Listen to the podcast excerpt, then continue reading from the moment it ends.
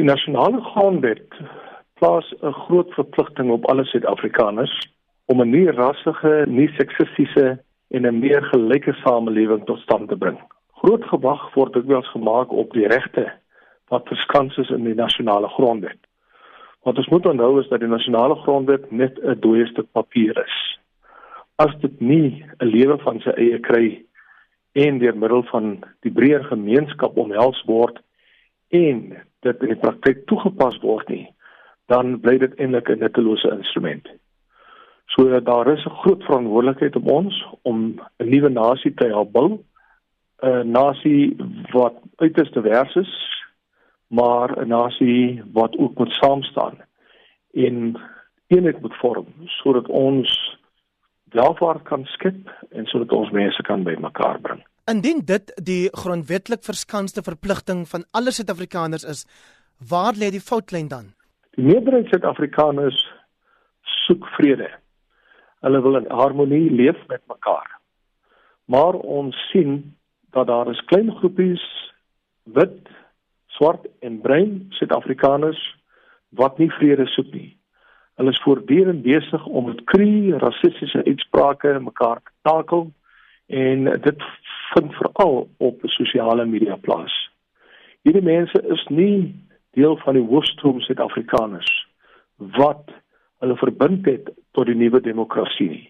Maar ons voortdurend besig om hulle eie kleure rassistiese agendas te bevorder. En dit bring geweldige polarisasie tussen mense mee. Ek doen 'n beroep deur middel van die artikel vir alle Suid-Afrikaners, vir alle rasioneel denkende Suid-Afrikaners om hande te vat en die ideale en die waardes wat vervat is in ons nasionale grondwet om dit op 'n daaglikse basis uit te leef. So as dit net 'n klein groepie is wat hulself skuldig maak hieraan, is dit nie dalk onnodiglik alarmisties om te praat van die potensiaal van 'n volksmoord nie. Suid-Afrikaners is in 'n baie gelukkige posisie. Ons weet wat voor 94 plaasgevind het. Die verontmensliking en die bloedvergieting en die vertrapping van basiese menseregte. Ons het daarom 'n bewuste keuse uitgeoefen in 1994 onder leiding van Nelson Mandela en F.W. de Klerk om ons mense te versoen en ons het daarom na die stembus toe gegaan om ons demokratiese aspirasies daar te gaan uitoefen. Ons het dan 'n nuwe staat tot stand gebring, 'n demokratiese staat. En dit daar dit was 'n verpligting op elke van ons om daardie demokratiese ideale en waardes ten alle tye te koester. Wat ons nou sien is alles behalwe, jy weet, die koestering van daai waardes. Ons het grootskaalse korrupsie, ons het grootskaalse misdaad in hierdie land. Ons het grootskaalse vertrapping van menseregte en ons sien ook toenemende rasseklassifisering en rassediskriminasie. Ek noem in die artikel dat die regering en veral politici staan dikwels skuldig of maak hulle dikwels skuldig aan sulke vergrype. Maar dan sien ons ook burgerlike organisasies wat ras gebruik en rassekategorisering gebruik om mense op een of ander wyse te klassifiseer. En dit hou die potensiaal in om mense uiters frustreerd te maak en mense toenemend haatdraand teenoor die ander te maak. In plaas dat ons binne hierdie diverse konteks mense bymekaar bring is ons besig om mense uitmekaar uit te dryf. En daarom sê ek, jy weet ons het in 94 het ons 'n volskaalse bloedbad verhoed.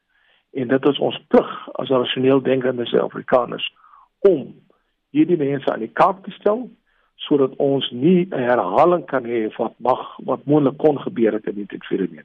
In reaksie hierop sê die menseregte kenner en oud kabinetslid Dr Leon Wessels enige persoon wat nie van 'n redelike mens soos kommentator van rede kennis neem nie, kyk die situasie heeltemal te oppervlakkig. Maar Wessels bring ook 'n ander aspek by. Dink ons moet die erkenning maak dat daar groot onvergenoegdheid is met demokrasie. Demokrasie het stemreg gebring, maar demokrasie het nie menswaardigheid en groter gelykheid gebring nie. Ek is egter van mening dat daar genoegsame mense is om brugbou aksies 'n vol te hou ten einde so rasse konflikte voorkom. Wessels reageer op die mening by sommige mense dat die bloedbad wat in 1994 verwag is en nie gebeur het nie, steeds 'n moontlikheid is. Ek het deelgeneem aan en self uh, geluister na die onvergenoegdheid en die hoogspannings uitsprake van jong mense en dit is inderdaad iets om ernstig op te neem. In 1994 was daar 'n algemene verwagting dat vryheid sou die geleentheid skep vir wanorde en oorname van eiendom en en dis meer. Dit het inderdaad nie gebeur nie omdat daar 'n genoegsame uh, leiers was wat vrede en hoop propageer het.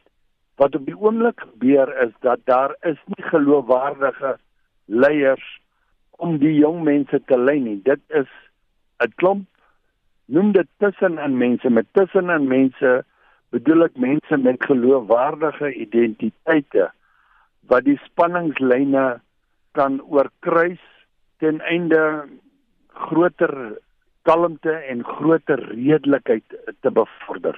Die soort geloofwaardige leierskap is wel deur die hoofregter Mogoeng Mogoeng tentoongestel toe hy die afgelope donderdag aand by die Apartheid Museum die Bram Visser gedenklesing gelewer het, sê die Afrikanerbond in 'n verklaring.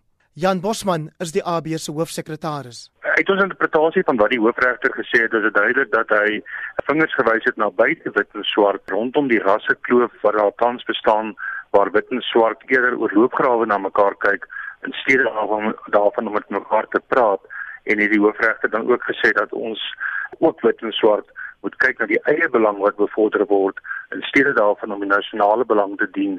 En ek dink dit is waar staatsmanskap nou tentoongestel is